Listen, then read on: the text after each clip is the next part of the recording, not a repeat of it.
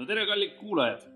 olen täna mõnusa meheliku atmosfääriga Telliskivi barbershopis Road Rats ja minu kõrval on Ed, õige barber ning entusiastlik bändimees. tšau, Ed. tšau.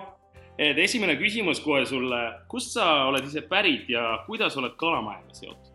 mina olen pärit tegelikult üldse Tartust, kalamajaga ma olen seotud, ma ei tea, kuidagi väga imelikke teed pidi, sest et tegelikult tegelikult elasin Tartus, siis ma läksin üldse välismaale mingiks ajaks seljakotiga reisile, tulin tagasi ja siis mul viskas siis Tartust natukene kopa ette, niisugune konnatiiki efekt tekkis veitsa. oli vaja vaheldust ja siis elu kergkäigud, käigud, käigud jah, kergkäigud tõid mu Tallinnasse ja esimene vist koht, kus ma elasin, oli, oli, oli kuskil merepuiesteega, siis kohe peale seda ma kolisin siiasamma, kus on see kukekese peale, põhimõtteliselt, kus oli tantsustuudiosse aga Kalamaja tegelikult avastasin üldse tänu sellele, et nii kui ma Tallinnasse kolisin, siis ma, noh, mul oli vaja bändikuumi, siis ma olen terve elu bändi teinud ja siis meil oli proovikas, oli siinsamas Telliskivi loomelinnakus, kus tol ajal, kui mina siia tulin, oli ainult F-hoone ja mitte midagi muud. ja mulle see nii-öelda neighborhood nagu meeldis, et ma teadsin, kui ma Tallinnasse tulen, siis ma kindlasti ei koli kuskile Lasnamäele ega paneelmajasse ega mingisse niisugusesse atmosfääri, mis mulle endale lihtsalt ei istu. see võis olla mingi nüüd juba äkki seitse aastat tagasi, kaheksa aastat tagasi,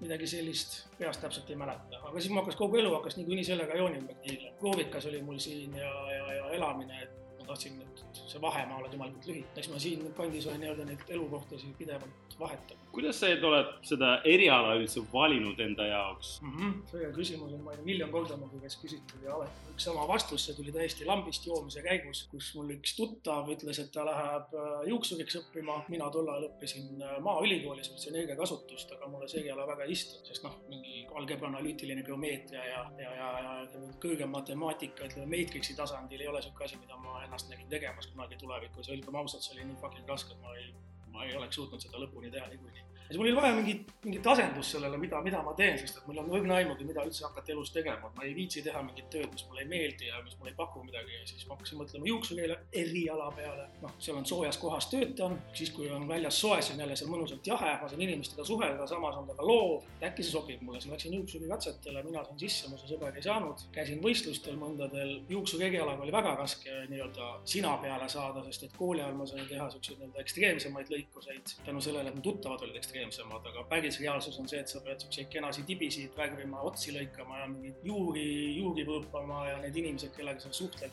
kes mind vähegi teab, siis minu iseloomuga need asjad väga hästi kokku ei lähe. ja kogemata sattusin esimesse barbershopi Eestis. aga noh, tol ajal oli barbershop oli pigem niisugune tädi Maali ja Juuli teevad sulle keldris mingi poti pähe ja sa ootad seal ja niisugust päris barbershopist mul polnud tegelikult ausalt öeldes õrna aimugi. aga kui ma läksin esimesse barbershopi tööle, siis ma hakkasin seda nii-öelda eriala nägema teise külje all, ma hakkasin nägema seda täpsust, seda stiili. see oli niisugune craftsmanship, see ei olnud lihtsalt teeme ära asi vähemalt minu jaoks ja sealt ma hakkasin seda arendama, seda ideed arendama ja ma nägin mingi hetk seda kohta, mida ma tegelikult tahan, et nagu barbershop oleks see, kus ta ei olnud ja noh, siis tuli ise teha.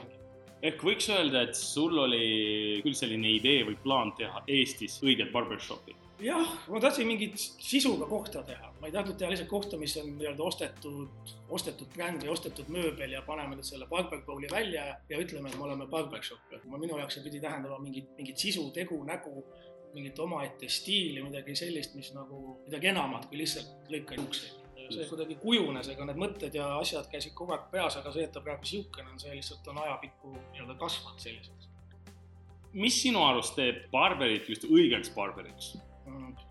ma arvan, see on ikkagi iga inimese enda lähenemine ja attitude sellele, ma, ma ei saa öelda, et nüüd see on või see inimene ei ole barber, et barberid saavad ainult mehed olla. minul on lihtsalt oma eelistus, millist barbershop, milliseid barberid mina eelistan ja, ja, ja igaüks võib tegelikult ennast pidada barbariks, kui ta tahab, aga eks see, kes on õige barbar, seda tegelikult otsustab ikkagi, ma arvan, et klient ise. mida sa enda töö osas kõige rohkem naudid oh,? pigem on keeruline, mida ma ei naudi. Selles mõttes, et no kõik on, minu jaoks on nagu selles mõttes töö on väga, väga mõnus ja ideaalne, et ma saan teha, mida ma tahan, ma saan rääkida inimestega, harin ennast, ma tean a la A-setini kõiki ameteid ja ma tean nende mingeid aspekte, mida muidu ma lihtsalt ei saagi mitte kuskilt teada, mis aga natukene aitab nende silmaringi laiendada, pluss ma saan teha midagi mingit tööd, millel on mingi tulem, mingi väärtus, mingi pilt ja mida nagu hinnatakse. Ja see on nagu, mis muudab ka inimeste tegelikult elusid kinda natukene. ma, küll ma teen soengut nendele, kes lähevad pulma, kes lähevad lahutama, kes lähevad matustele, noh, kellel tulevad lapsed, sa näed kogu seda elu nii-öelda, elu muutumist inimeste enda eludes. Ja siis, kui mingi pulmapilt on, siis näed, minu tehtud. Või mingi tüüp, keegi kuulus vend näiteks läheb mingi plakatiga, sa oled jälle tänaval, näed, see on minu tehtud. Või näed tänaval neid inimesi nagu ma ei tea, mõnus on. aga muidugi sellega on see point, et sa saab ainult mõnus olla siis, kui sa teed koha, mis sa ise teed selliseks mõnusaks. ma arvan, et enamus kohtades, enamus barbershop ides sa ei saa niimoodi nagu siin sa saad teha ja niimoodi käituda ja niimoodi töötada. aga see on iga inimese enda asi, kuidas ta selle enda jaoks ehitab või teeb või mida ta tahab selle nii-öelda kohalt, kohalt saada. mina tegin koha selle järgi, nagu mina olen ja mida mina tahan oma töökohalt saada sihuke ta on. minu arust said väga ilusti hakkama, äkki sellepärast inimesed valivadki seda kohta no osad valivad, osad ei vali. Ja ma ütlengi, me ei ole tegelikult kõigi jaoks noh, kes tahab ühte, tahab niisugust ilusat klanitud klantsi, viisakat suhtlemist ja tege head aega, palun musi kalli-kalli. Läheb teise kohta, kes tahab niisugust laadamat attitude'i otse näkku ja ei pea asjad muretsema iga sõna pärast, see, see tuleb siia kindlasti on meie kuulajate vahel ka need, kes Tallinnas ei ela, aga nad väga tahaksid lõikust just Rude Redsi poolt. mida sa ise arvad, kas Rude Reds läheb kuhugi mujale ka?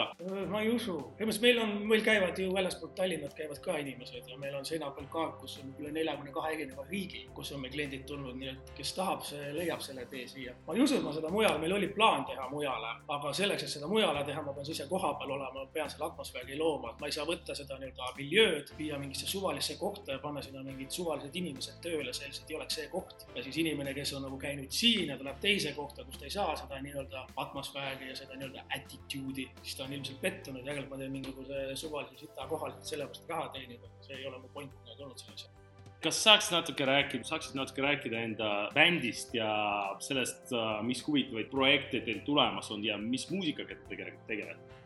Muusikaga, ma ei oska sulle seletada, mis selle muusikastiili nimi on. nii palju on huvitavat, tegelikult see Intekas langeb jumala õigesse aega, sest meil just album tuleb, teine album tuleb see järgmine nädal välja, kahekümne kolmandal on mis kuupäev seal on, kakskümmend üks on Raadio kahe Metallinis Integ ja esimesed lood avalikuks. kahekümne teisel tuleb ta internetti üles ja kahekümne neljandal siis tuleb ka füüsilisel kujul album, album välja, noh, ma ei oska midagi rääkida, me tegime seda mingi neli, üle nelja aasta seda albumit ja see on niisugune tõsiselt suur, ütleme, higi, veri, muld ja pisarad, kõik asjad koos, et kui, kui nagu firma tegemine on niisugune natuke stressful asi, siis ütlen ausalt, bändi tegemine on kümneid kordi, kümneid kordi keerulisem, see on sama nagu sa oled mingis suhtes viie inimesega korraga ja kõik, kõik peab töötama, te peate ka mingit ühist tulemit sealt looma, et see on, see on minu jaoks on kõige põnevam asi üldse bändi tegemise jaoks.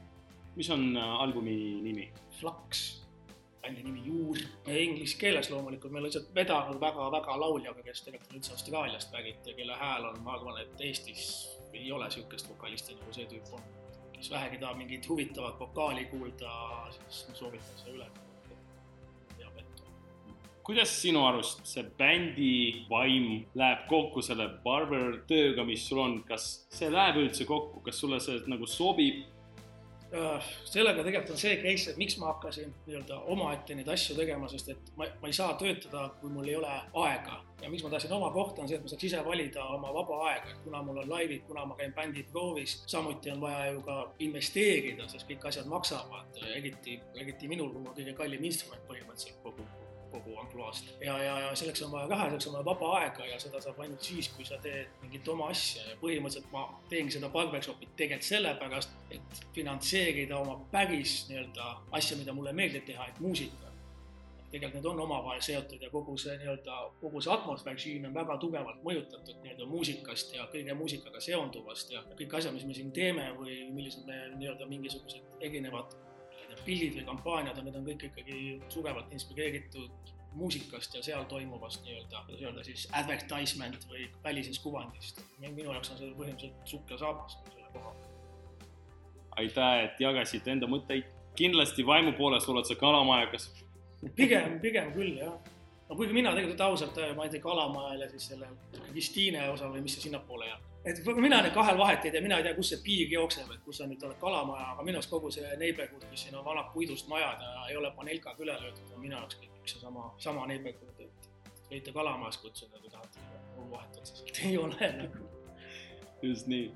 Et suur-suur aitäh sulle, tõesti, tõesti lahe ja atmosfäär, mis siin selles salongis on, on lihtsalt vau wow., et äh, mehed, kui te meid kuulete, siis welcome siia Rude Redsi ja naised, kui te seda kuulate, siis kindlasti enda mehi saatke siia. jah, jah, saatke mehi, kui te julgete kui te julgete.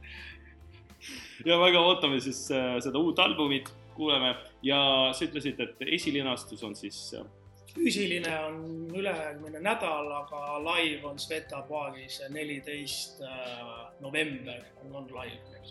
no nice. Sveta on ka kalamaja, nii ta on. aga tere tulemast, siis kuuleme. Suur aitäh. palun